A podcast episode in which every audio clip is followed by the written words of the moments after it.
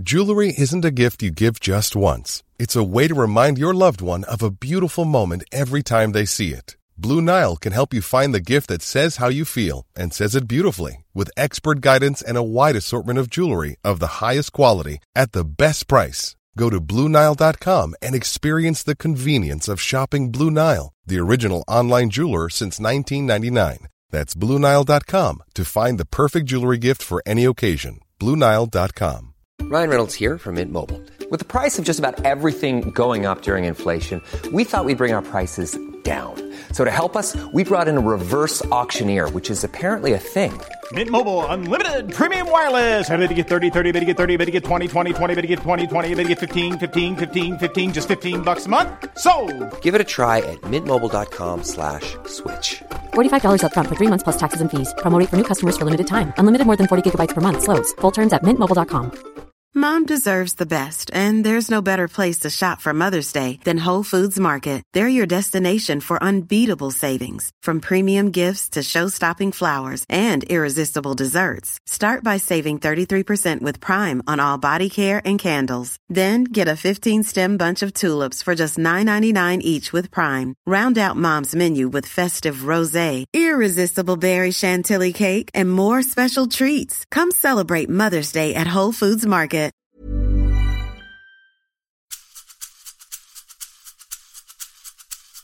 Om det är roligt, om det är viktigt och om jag tror att jag kan eller folk jag litar på tror att jag kan, då är jag beredd att utsätta mig för rätt mycket. Alltså hårt arbete, ta en chans när den kommer och det blir ju aldrig riktigt som man har tänkt sig i livet eller när man har tänkt sig.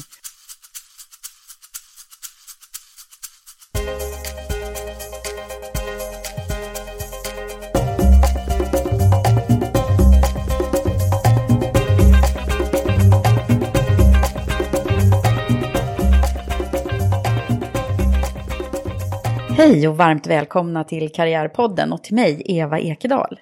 Den här veckan har jag det stora nöjet att få samtala och lära känna Anna Kinberg Batra, Moderaternas partiledare sedan januari 2015. Vi ska få höra Anna berätta om sin egen karriärresa och på ett eh, lite mer personligt vis hoppas jag, som det brukar kunna bli här i Karriärpodden.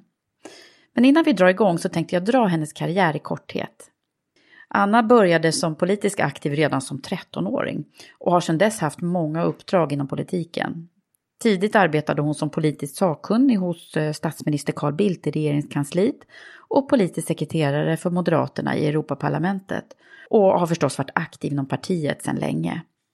Men hon har arbetat i näringslivet, bland annat som kommunikationskonsult på Prime PR och hon har också drivit eget företag inom kommunikationsområdet. Dessutom har hon jobbat med rekrytering och hon har varit informationschef vid Stockholms handelskammare.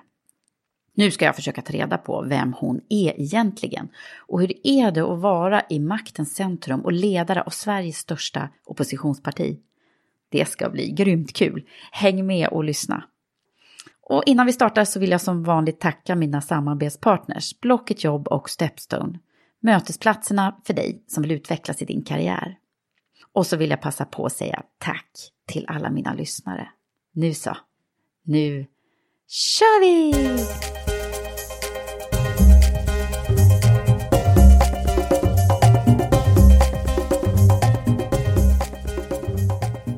Hej Anna! Hej! Välkommen till Karriärpodden. Stort tack! Och hem till mig, som det ju faktiskt är. Lite annorlunda, så där komma hem till någon. Men du, eh, alltså, nu ska vi få lära känna dig och din karriärresa. Och dina tankar kanske om karriär. Mm. Och jag läste att du började med din karriär, din politiska karriär i alla fall, redan som 13-åring har jag läst mig till. Ja, fast karriär och karriär. Jag tror... Eh, jag, tag, jag har hållit på med politik i många år och alltid varit den här engagerade stora systern och fixaren i klassen och sådär. Men jag skulle säga att jag tagit politiken på fullt allvar. Det började jag nog göra 2006 faktiskt. Det var en sån här... Det kan gå dit. Det var en sån här vändpunkt i livet nästan. Därför att eh, jag hade hållit på med politik fram och tillbaka. Jag hade suttit i riksdagen en gång. Jag hade börjat jobba med riktiga andra saker tyckte jag. Eh, alltså i, eh, i privata näringslivet. Och funderade på om jag skulle vara fortsatt engagerad. Men sen vann vi faktiskt valet. Jag Just. hade åkt ut 2002 när det gick så dåligt för oss moderater. Mm. Och ja, tagit tag i resten av livet och börjat jobba som informationschef på Stockholms handelskammare. Eh, höll på att bilda familj, alla sådana saker. Resten av livet hade på något sätt tagit över faktiskt. Hade du Och- tänkt att lämna politiken helt? Ja, liksom? jag funderade fram och tillbaka på hur jag skulle göra. Eh, men kandiderade till riksdagen ändå då. Och sen gick det ju så himla bra 2006 och vi vann. Och innan dess så hade jag gjort något mycket större och viktigare och det var ju att få barn. Och allt det här hände på en gång.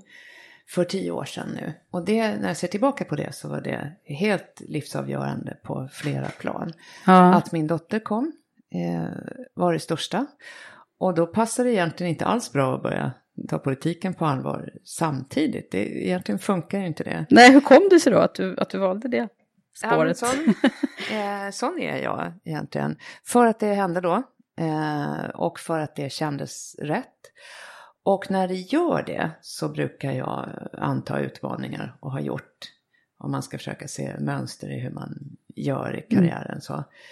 Om, om det är roligt, om det är viktigt och om jag tror att jag kan, eller folk jag litar på tror att jag kan, då är jag beredd att utsätta mig för rätt mycket. Alltså hårt arbete, ta en chans när den kommer. Och det blir ju aldrig riktigt som man har tänkt sig i livet, eller när man har tänkt sig. Utan då kom den stora chansen att ta politiken på allvar. Och jag fick ett, ja, tunga uppdrag direkt. Jag hade varit med länge och eh, var välkänd internt sen förut. Och sa nej först, att jag kan inte göra Jaha, det nu. du sa nej precis- först då? Ja, jag har Mm. precis fått barn. Jag kom in i riksdagen men jag sa nej till tyngre uppdrag då när jag fick frågan först. Men ehm, eh, då sa min dåvarande chef, som min han, Mm. Fredrik Reinfeldt alltså, att eh, jo men det här kan du fixa. Eh, Både och. Ja, Mm. eh, så jag var beredd att inte göra det då och sa att jag måste vara, det här går inte, jag ammar, jag går på kryckor, det funkar inte alls. Eh, ja men var mammaledig först då, sa han. Och det är ju, det var ett väldigt viktigt ledarskapsögonblick internt hos oss. Ja. Eh, som visar att det spelar roll hur män gör också. Just det. Män får ju också barn, men det kan ju vara svårare för de föder ju faktiskt inte barnen. Så det kan ju vara lite mer meck när man har bebisen då. Mm. Och ehm, Men du menar att han gav dig det liksom, eh, alternativet? Att det var ett starkt ja? Mm. ja, och det spelar ju roll då. Om Ja. man tror att kvinnor som får barn per definition försvinner från arbetslivet eller inte kan ta tunga uppdrag, då missar man ju väldigt, väldigt många kompetenta. Ja. Och karriären och livet är ändå längre än ett halvår hit eller dit. Den perioden spelar ju ingen roll alls efterhand ju. Nej. Hur har din, eh, alltså den här drivkraften som, som, som du pratar om, att, den, att det triggade dig där då, förmodligen ändå, Mm. att, att hoppa på det här spåret. Vad, har du, du har säkert forskat i det här själv. Eh, vad, vad kommer det ifrån? Jag är ju stora syster. Eh, det är jag ju. Typiskt ansvarstagande Mm. stora syster. Det har jag haft många här i Karriärpodden kan jag tala om. Många stora Ja. Mm. och det brukar psykologerna roa sig med. eh, Så. Men, eh, och sen har jag nog hemifrån också att om man vill och tycker någonting, då får man väl försöka fixa det.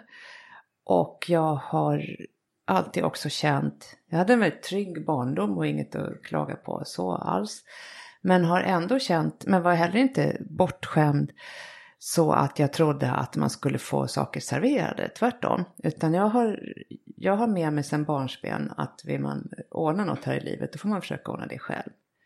Okej. Eh, Vad jobbade dina föräldrar med? Ger, och det trygghet ger är ju en tro på att man kan det om man vill också. Om man har, eh, tror jag, om man inte har tryggheten som gör att man kan, kan prova det man tycker verkar kul till exempel. Då blir det ju inte av, då törs man ju inte Nej.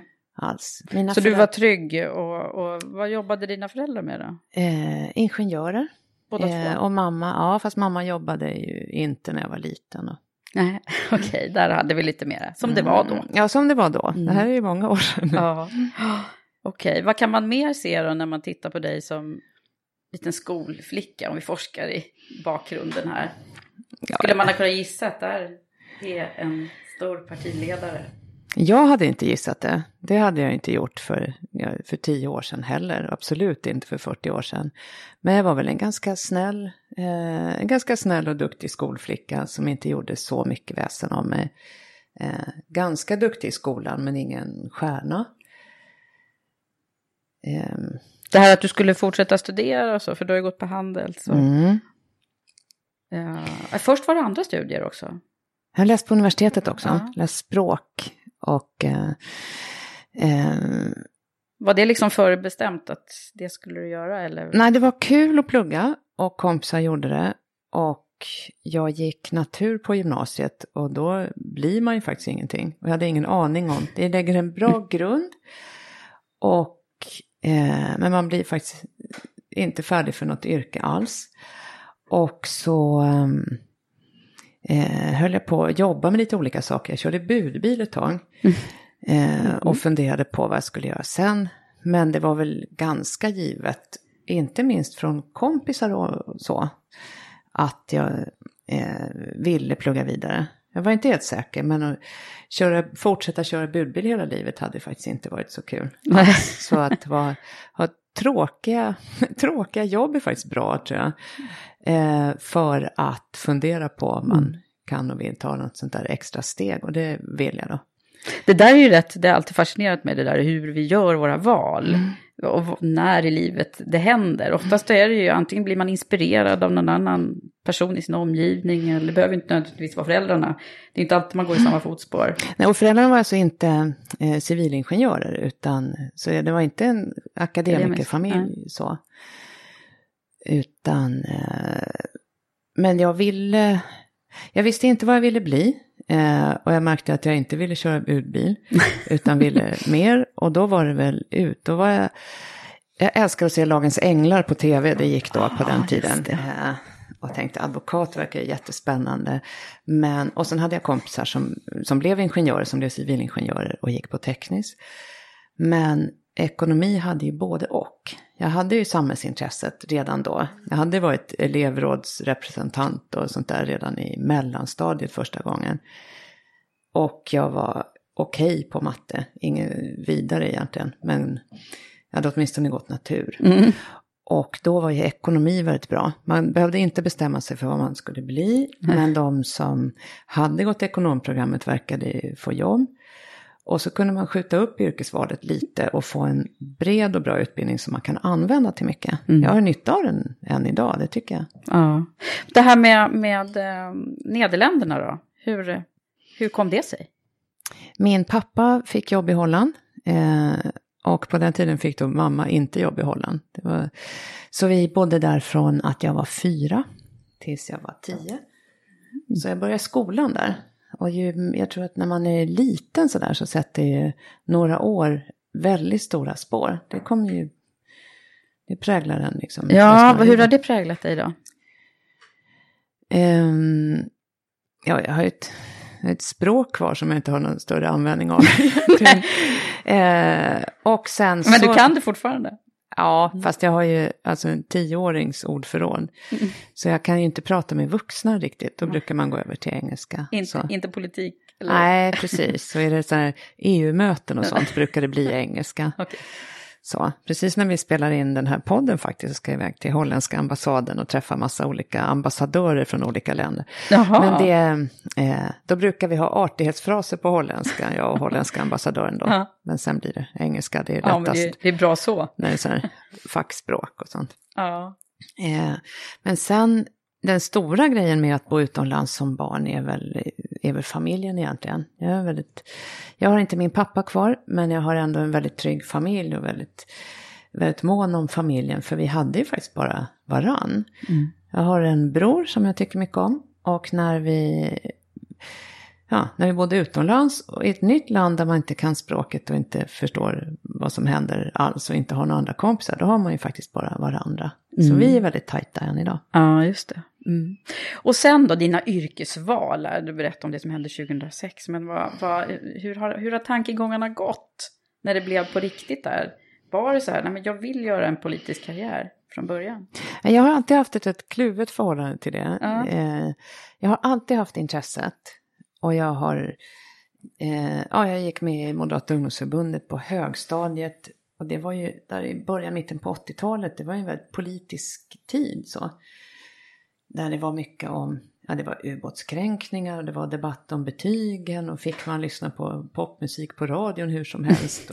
Det. det var ju stora frågor så som gjorde att det var många som engagerade sig. Och jag bara, eh, det kändes här, det kändes väldigt rätt att gå med då och jag har inte ångrat det så.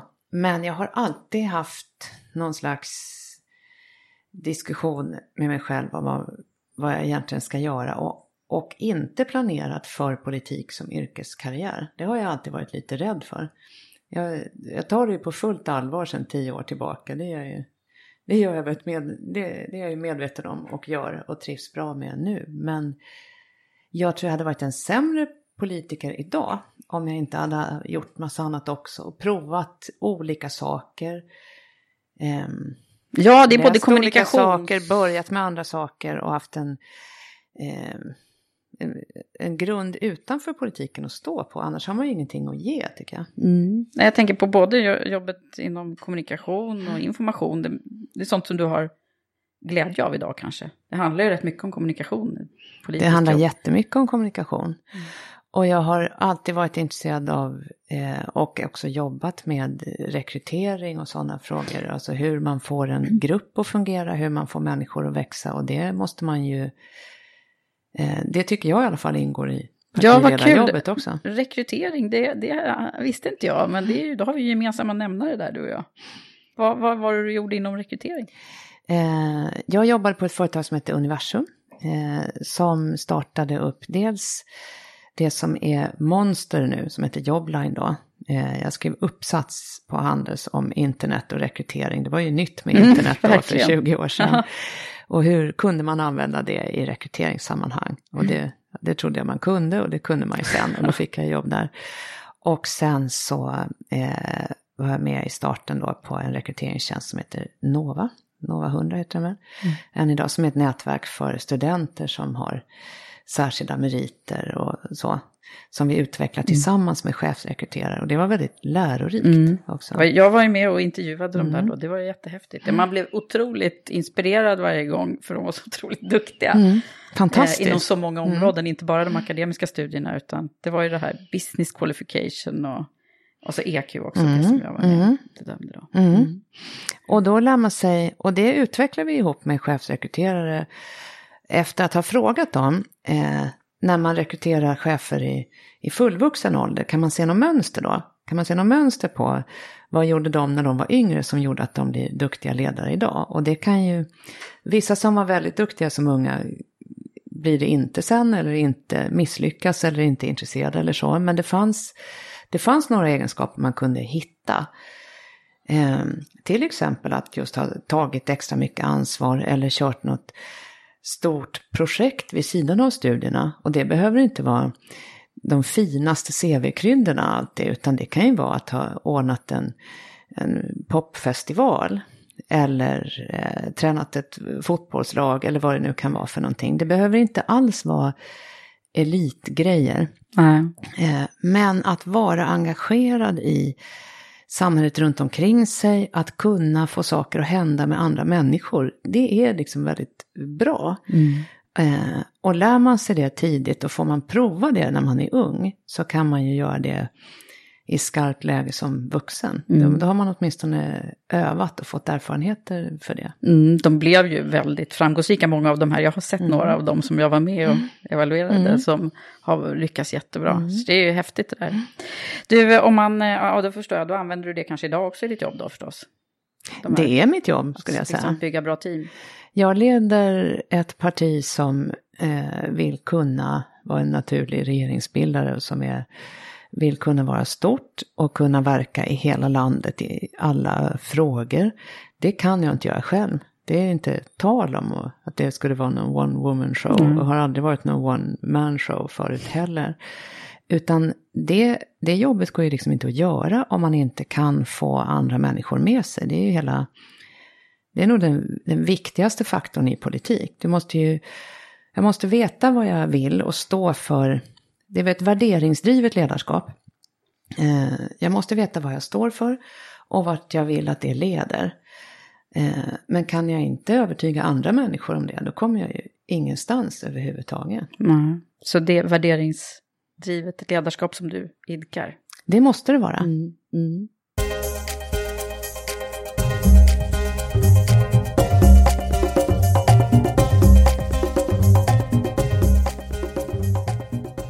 Spännande, då glider vi in på det här med ledarskap, för det är en av mina eh, saker som jag gärna pratar om. Dels om hur du själv ser på ledarskap, men, men och hur du är som ledare.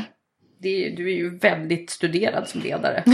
Ja. det måste vara en av Det är en intressant studerade grej med att vara så offentlig Ja. egentligen. Alla, Ja, alla, alla kan titta på mig. Ja, och det har ju verkligen Mm. fokuserats de senaste nu, ett och ett halvt åren förstås, hur det bara eskalerar hela tiden. Mm. Alla är ännu mer intresserade av dig. Mm, mm.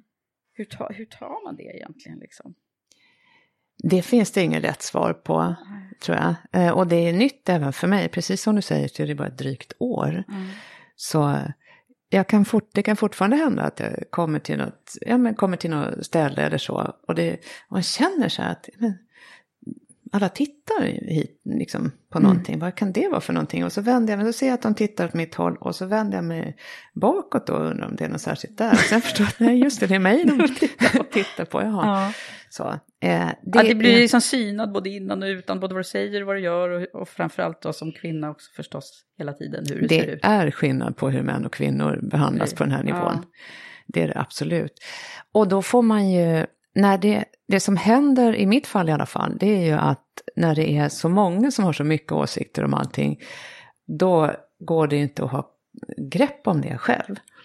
Utan då får man, ju, då får man på något sätt komma tillbaka till värderingar och trygghet och vad man står för själv. Och hålla ordning på det. Jag kan inte hålla ordning på vad alla har för synpunkter på mig. Och det ska jag inte, det är upp till dem. allihop. Men Alla du har får- en förmåga att liksom låta det... jag får inte låta det styra mig för då kan jag styra fel. Och jag kommer ibland, det kan ju komma, eller det kommer, det är en del av det här jobbet att utsättas för kritikstormar ibland. Eller att det är en jättedebatt i en viss fråga. Men om då jobbet jag har tagit och uppdraget är ett väldigt värderingsdrivet och, och faktiskt målstyrt ledarskap. Jag vill leda ett parti som kan bygga Sverige starkare i en viss riktning och jag vill kunna få människor att växa och kunna ta mig dit. Då är det ju särskilt när det verkligen viner runt öronen då och alla har massa åsikter och några står och skriker utanför. Då gäller det ju att hålla reda på. Om man inte är värderingsstyrd då, då tror jag man kan gå vilse. Både i sig själv och i vad man gör. Och man kan låta det konsumera en och förändra en som person. Men jag känner snarare att det är viktigt att ha, eh, ha ordning på värderingar och mål. Och om jag är trygg i vad jag gör och varför, då tål det också hård kritik. Det är mitt jobb att ta reda på det. Men Så har du haft kan- med dig den här förmågan? För det är ju en förmåga att kunna hålla isär det här lite grann. Jag tror inte man ska tacka ja till att leda något parti om man inte är trygg i sig själv. Det tror jag är farligt.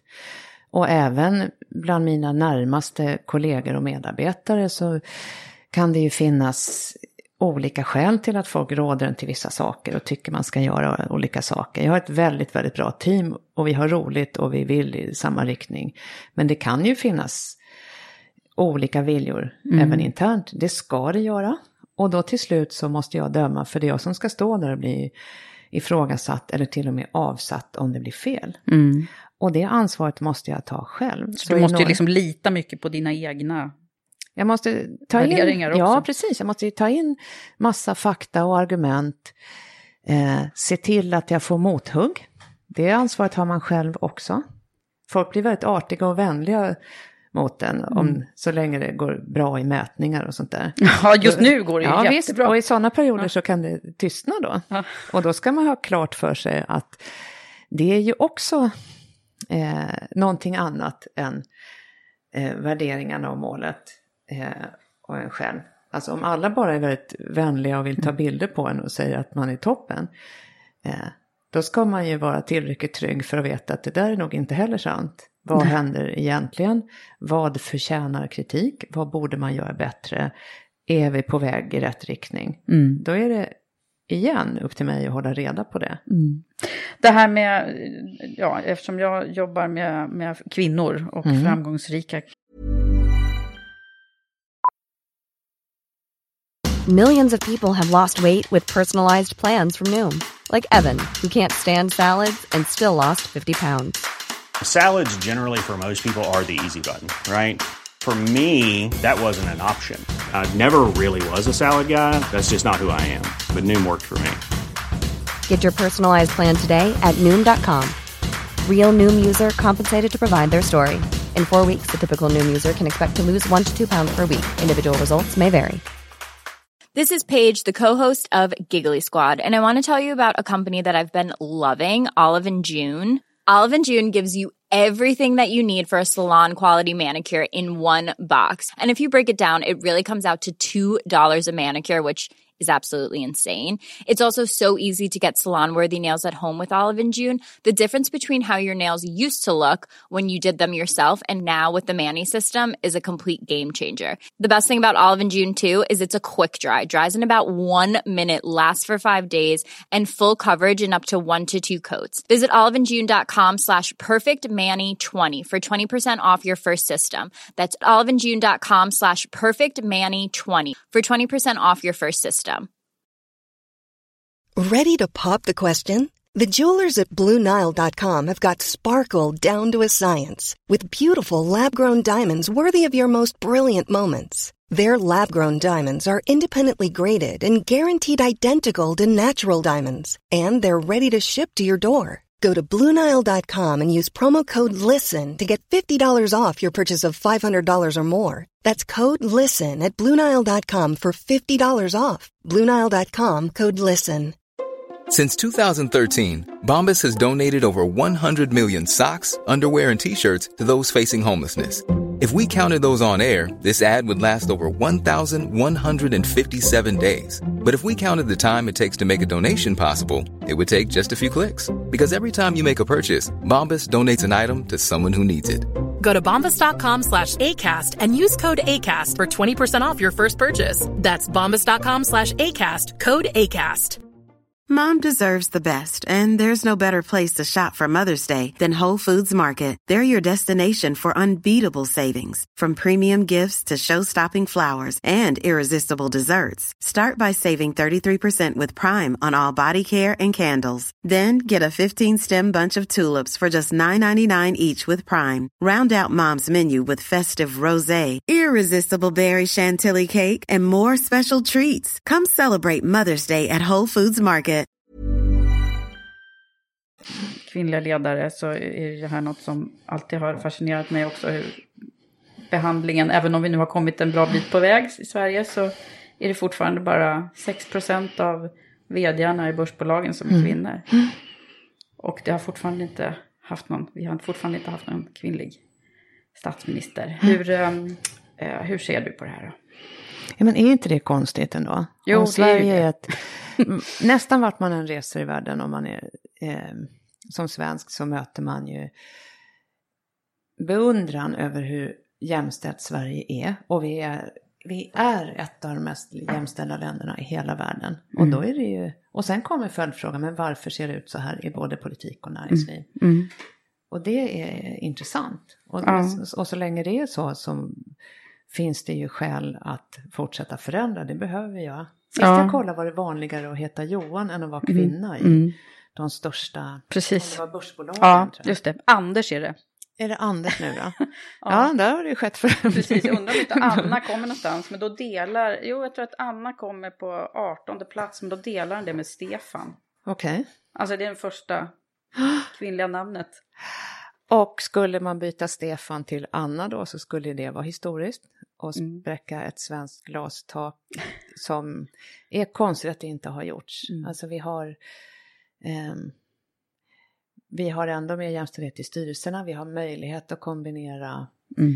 eh, familj och arbetsliv även på allra, allra högsta nivå. Men det är fortfarande en väldig skillnad på män och kvinnor. Jag får Mm. helt andra frågor än vad mina företrädare har fått. Ja. Om hur klarar du familjen? Eller om frisyren eller vad jag har på mig eller Mm. sånt där. Och du, och du är ju, säger ju också att du är ett feminist. Mm. Mm. Och det är inte alla som gör det i ditt parti heller. Nej, men det handlar väl också om trygghet. Jag har läst rätt mycket sådana här. Eh, på Handelshögskolan så hade de, vilket var nytt när jag gick där, då jag började för 25 år sedan. Eh, men det är ja, relativt modern tid i Mm. Handelshögskolans historia. Då. Och då var det nytt med eh, en kurs som heter organisation och kön. Eh, och nu läser alla studenter den. Det har hänt en hel del med värderingarna även på, eh, i den mansdominerade miljön. Jag är ju uppvuxen i mansdominerade Mm. miljöer. Alltså Handels var är mansdominerat. Moderaterna har varit det under många år. Eh, det ändras nu. Nu är vi fler kvinnor än män i vår riksdagsgrupp. Är det så? Mm. Det är ju inte många som... Det brukar överraska ibland när man berättar det. Mm. Eh, men normen om chefen har varit en man i alla sammanhang. Det har Mm. Och varit. Stockholms handelskammare var... Eh, eh, ja, men också mansdominerat och särskilt historiskt. Nästan Mm. överallt det har varit, både privat och offentligt har det varit det. Så jag är van vid att man får andra frågor. Men jag har också då läst tillräckligt mycket teori om både feminism och, och jämställdhet i organisationer till exempel. För att tryggt kalla mig feminist. Jag är Mm. liberal och feminist. Men så länge det finns skillnader som bara går att förklara med kön. Så räcker det tyvärr inte med att ehm, med, nu syns inte citationstecken i den här podd då, men att vara liksom, ha konservativa och liberala värderingar, det räcker liksom inte. Jag tror på individen och att det inte borde finnas skillnader i hur man behandlas. Men det finns skillnader som inte går att förklara med något annat än kön. Mm. Och de vill jag ta bort. Och därför kallar jag mig feminist utan några problem med det. Mm. Bra. Eh, vad, eh, vad ska vi göra då för att det ska gå fortare? Har du någon tanke? Rekrytering är jätteviktigt. Eh, man får fortfarande ibland, inte i Moderaterna, det har jag sett till faktiskt, men i andra sammanhang får man ju fortfarande höra påståendet att det inte skulle finnas kompetenta kvinnor. Eller att det inte skulle finnas kvinnor. Och det är ju ett helt bisarrt påstående i världens kanske mest jämställda land. Det Precis. är liksom per definition inte sant. Så man har ju väldig makt när man har rekryterande makt. Och då är det ju fortfarande så att om man bara, om man ska tillsätta någon på en ledande position så, och bara tittar efter vilka som föreslår sig själva eller sina kompisar, då skulle man ju fortsätta eh, få en alltför homogen, en homogen eh, kultur. Då skulle, det fortsätta, då skulle man fortsätta tillåta kotterier eh, och det skulle nog fortsätta vara mansdominerat så länge det har varit män förut. Så när man möter sådana här frågor, antingen själv eller i rekryterande sammanhang, om du är kvinna på den här positionen, hur är det till exempel? Den får jag ibland. Det fick jag inte Fredrik Reinfeldt. Du är partiledare men också man. Hur känns det? Jag förstår att jag får frågan, för vi har inte haft någon kvinna på... Vi har en historia på över hundra år och jag är först. Ja. Jag fattar det. Det är först alltså. Men jag har liksom inte provat att, vara någon Nej. Eh, Så jag tycker frågan är konstig. Och det är Ja. intressant att den ställs. Så när den ställs har man ett ansvar för hur man hanterar det. Bara bli arg då, det hjälper ju ingenting heller. Nej. Men att få frågeställaren att tänka till lite är viktigt. Att tänka till vid rekrytering är viktigt. Att bry sig om att både män och kvinnor kan kombinera familj och arbetsliv är viktigt. Och där har män, där har killarna också ansvar. Fredrik Reinfeldt gav mig eh, en sån chans i ett läge där han hade kunnat. Han fick ta kritik internt för att han satsade på mig. Har jag förstått det efteråt sådär. Eh, och det hade man... Eh, då har man ju ett val. Om man bara tar det lätta och tar den, man har brukat, den typen man brukar ta förut. Då rekryterar man sämre. Eh, man rekryterar utan att tänka på vad en organisation behöver framåt. Så man behöver ju tänka kompetens och där ingår bägge könen. Och där ingår flera olika sorters kompetens också. Medveten rekrytering är Precis. jätteviktigt. Det är ju hälften av befolkningen. Mm. Och vägra medveten rekrytering ska jag säga. Eh, medveten möjlighet för att kombinera familj och arbetsliv. för bägge könen. Eh, fråga pappor också om de inte ska vara lediga när de får barn. Eh, och tänk på vilka attityder man visar, både explicit men implicit också mot när till exempel chefer kommer och säger att man vill vara föräldraledig. Mm. Eh, och se till att en man som tar ledigt ett halvår är alltså, det är inte märkvärdigt. Det är, det är lagligt för det första mm. och det är naturligt och rimligt. Eh, och en kvinna som tar ett halvår ledigt är alltså inte, ska man inte döma heller. Det är en väldig skillnad idag på hur vi betraktar det. Om en man tar ett halvår så är det, det är fortfarande lite sådär eh, modernt och progressivt och han kan, få en, kan uppmärksammas positivt. Men om en kvinna tar ett halvår ledigt, det gjorde jag själv, då är man ju tar man verkligen familjen på allvar då? Ja, just För det. då Man finns kan det en förväntan om att det borde vara Mm. längre så. Mm. Ja, det är rätt många barriärer som vi behöver fortsätta jobba med. Det Ja, och fundera på chef, som, på, Mm. fundera själv som chef eh, på om du faktiskt är jämställd till vardags i rekryteringssituationer och ledarskapssituationer. Mm.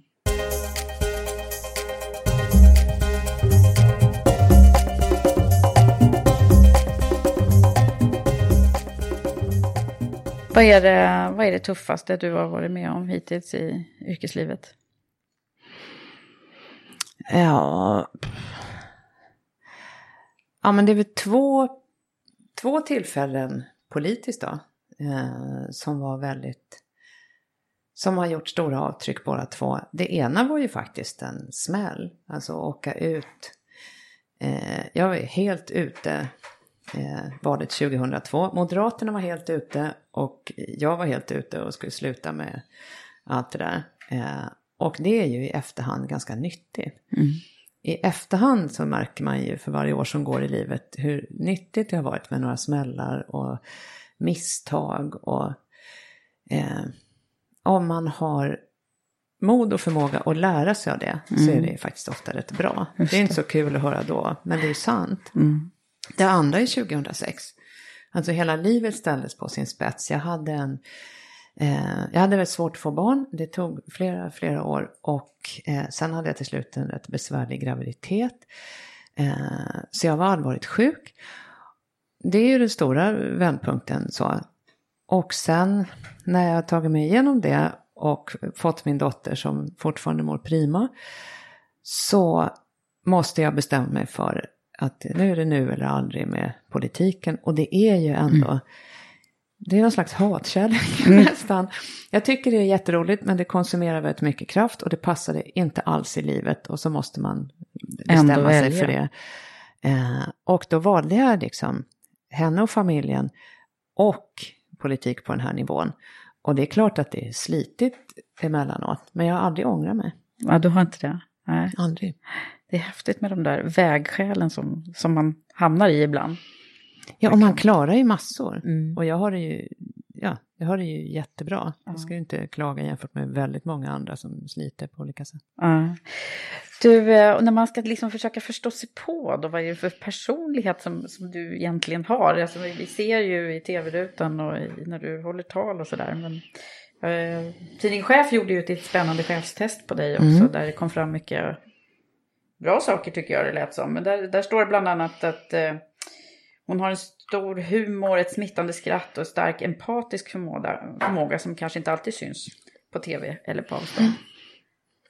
Stämmer det där som de kom fram med?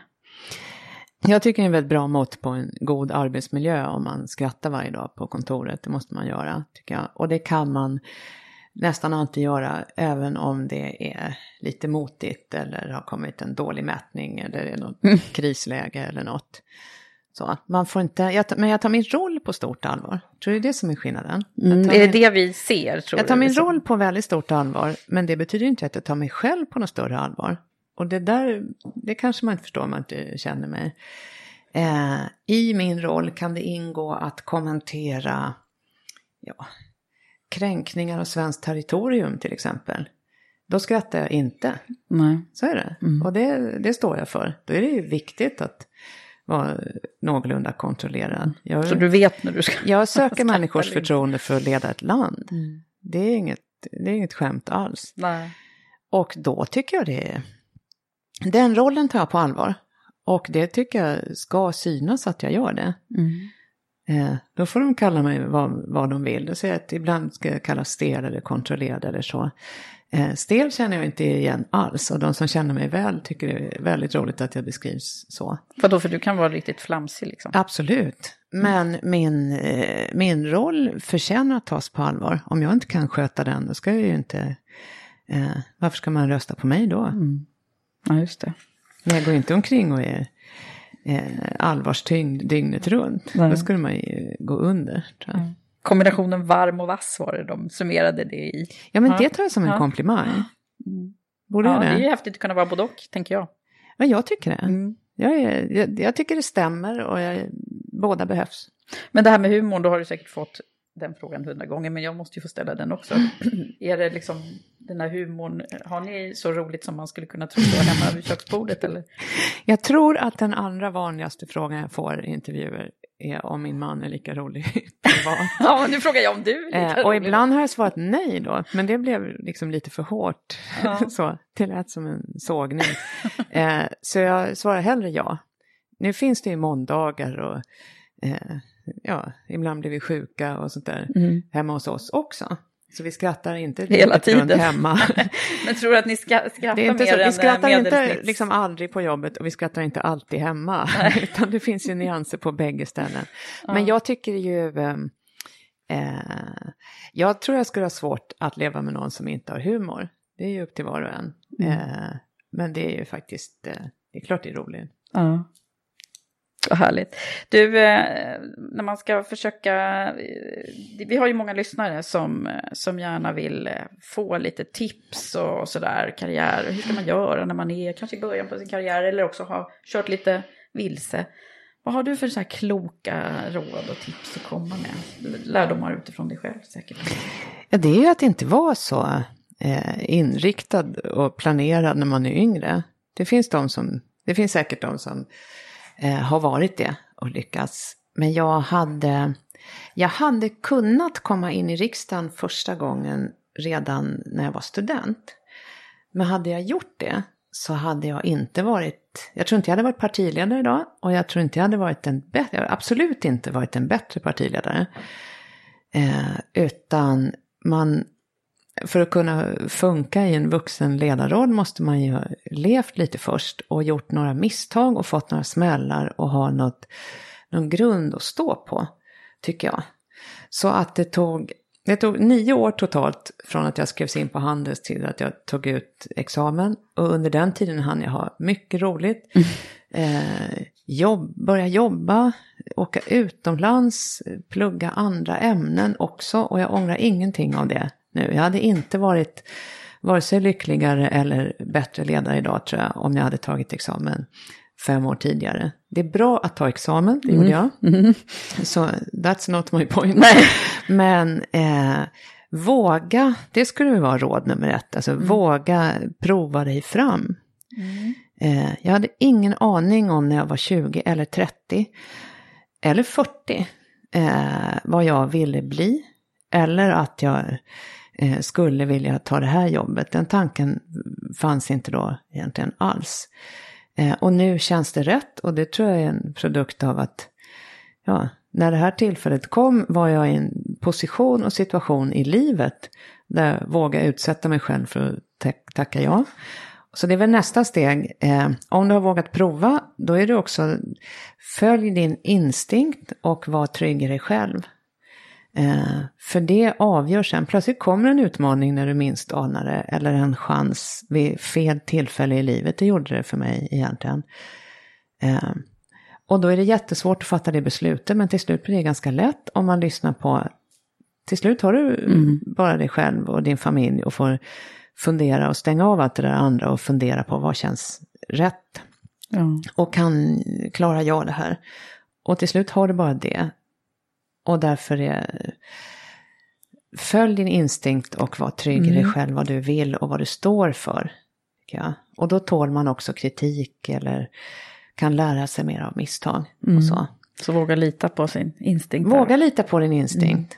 Eh, och, ja, och för det tredje då, och till sist, ha kul och, och se till att ha folk omkring dig som du har kul med. Mm. Eh, jag är ingen, om man jobbar i grupp, och det gör man ju när man leder en organisation, då måste man ju vilja få andra att växa och göra, röra sig i rätt riktning tillsammans. Och det är väldigt, väldigt roligt när man kan få någonting att hända som är större än en själv. Mm. Och det kräver ju att man kan få med sig och få tag i folk som gör att du blir större än det man kan göra helt själv. Mm. Folk, det är väldigt, väldigt roligt när man har en grupp ur vilket det skapas någonting eh, större. Mm. Den här positiva flown, mm. eller vad man nu mm. kallar det för. Mm, vad härligt. Du, tack så mycket. Vi, vi, ska också, du ska få den här skicka vidare-frågan som, eh, som jag ju har varje avsnitt. Och eh, den här kommer ju från min förra gäst då, som var mm. Suad Ali. Som är en fantastisk ung tjej som ju gör verkligen mycket nytta. Eh, och hon var så, hon pratade mycket om det här med förebilder och så. Eh, så att eh, där hon själv egentligen saknade förebilder eftersom hon eh, inte har så många i, i, som ser ut som hon, mm. som är eh, ledare av olika mm. slag. Så hon, hon vet ju inte att det var dig hon skulle ställa frågan till, men eh, hon eh, undrade så här. Hur jobbar du själv med förebilder för att få fler personer att våga satsa? Och vad kan man göra? Um, jag skulle ju Und jag brukar undvika att svara på frågan om förebilder själv. Uh, det är klart jag imponeras av Angela Merkel när hon, för att hon gör jobbet på något sätt. Hon sätter inte sig själv i centrum utan uppgiften och att få saker att hända och gör det väldigt bra.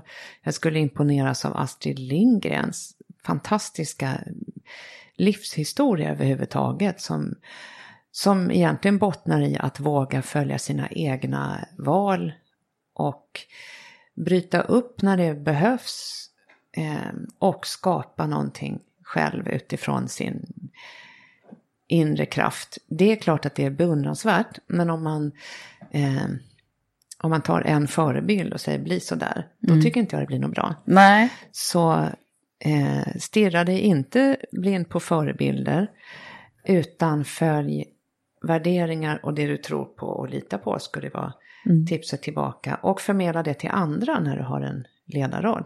Uppmuntra det hos dem du har omkring dig. Uppmuntra inte att um,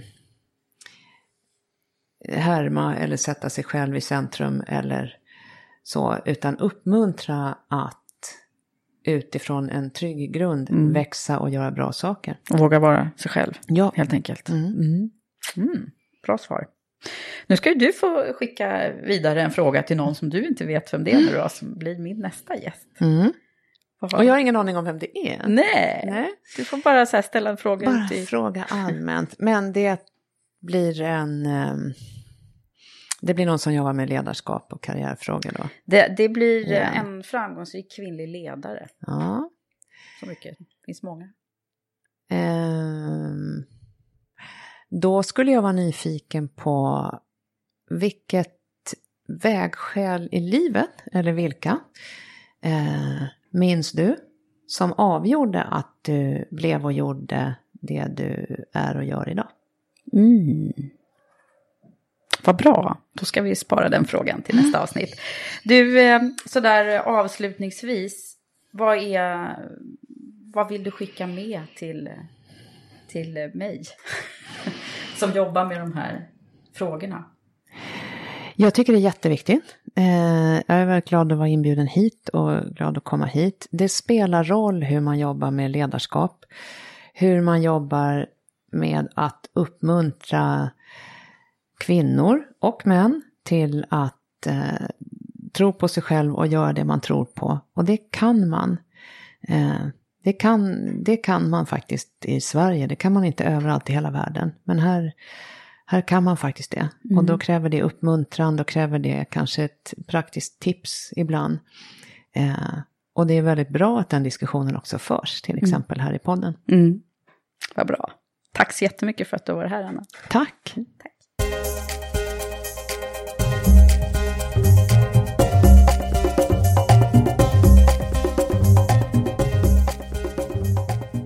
Så här efter vårt samtal tänker jag, vad cool hon är, Anna. Trygg, lugn och säker. Och jag fattar det där att hon också värderar glädje och samarbete högt. Vad bra att hon är sådär grundad feminist också. Det var superkul att få lära känna henne lite mer och det ska bli så spännande att följa hennes utveckling framåt. Jag tänkte också berätta om vad jag har för nytt på gång. Jag startade ju Karriärpodden för två år sedan för att lyfta fram kvinnliga ledare som förebilder. Och nu fortsätter jag på det spåret och startar nu tillsammans med min kompanjon Shanna Ruterhill företaget Women for Leaders. För att stötta och sporra kvinnor och för att få fram fler i ledande positioner. Och vi tänker göra det på ett annorlunda och coolt sätt som inte har gjorts förut. Ni kan läsa mer på womenforleaders.com.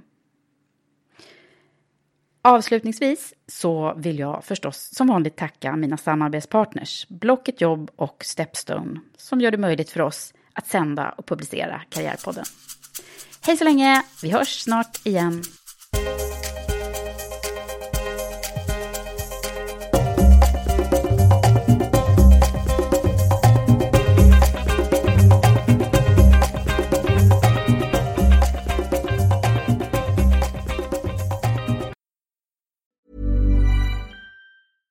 Selling a little or a lot? Shopify helps you do your thing however you cha-ching. Shopify is the global commerce platform that helps you sell at every stage of your business. From the launch your online shop stage to the first real life store stage, all the way to the did we just hit a million orders stage. Shopify is there to help you grow. Shopify helps you turn browsers into buyers with the internet's best converting checkout. 36% better on average compared to other leading commerce platforms because businesses that grow grow with Shopify. Get a $1 per month trial period at shopify.com/work. shopify.com/work. Mom deserves the best, and there's no better place to shop for Mother's Day than Whole Foods Market. They're your destination for unbeatable savings, from premium gifts to show-stopping flowers and irresistible desserts. Start by saving 33% with Prime on all body care and candles. Then get a 15-stem bunch of tulips for just $9.99 each with Prime. Round out Mom's menu with festive rosé, irresistible berry chantilly cake, and more special treats. Come celebrate Mother's Day at Whole Foods Market.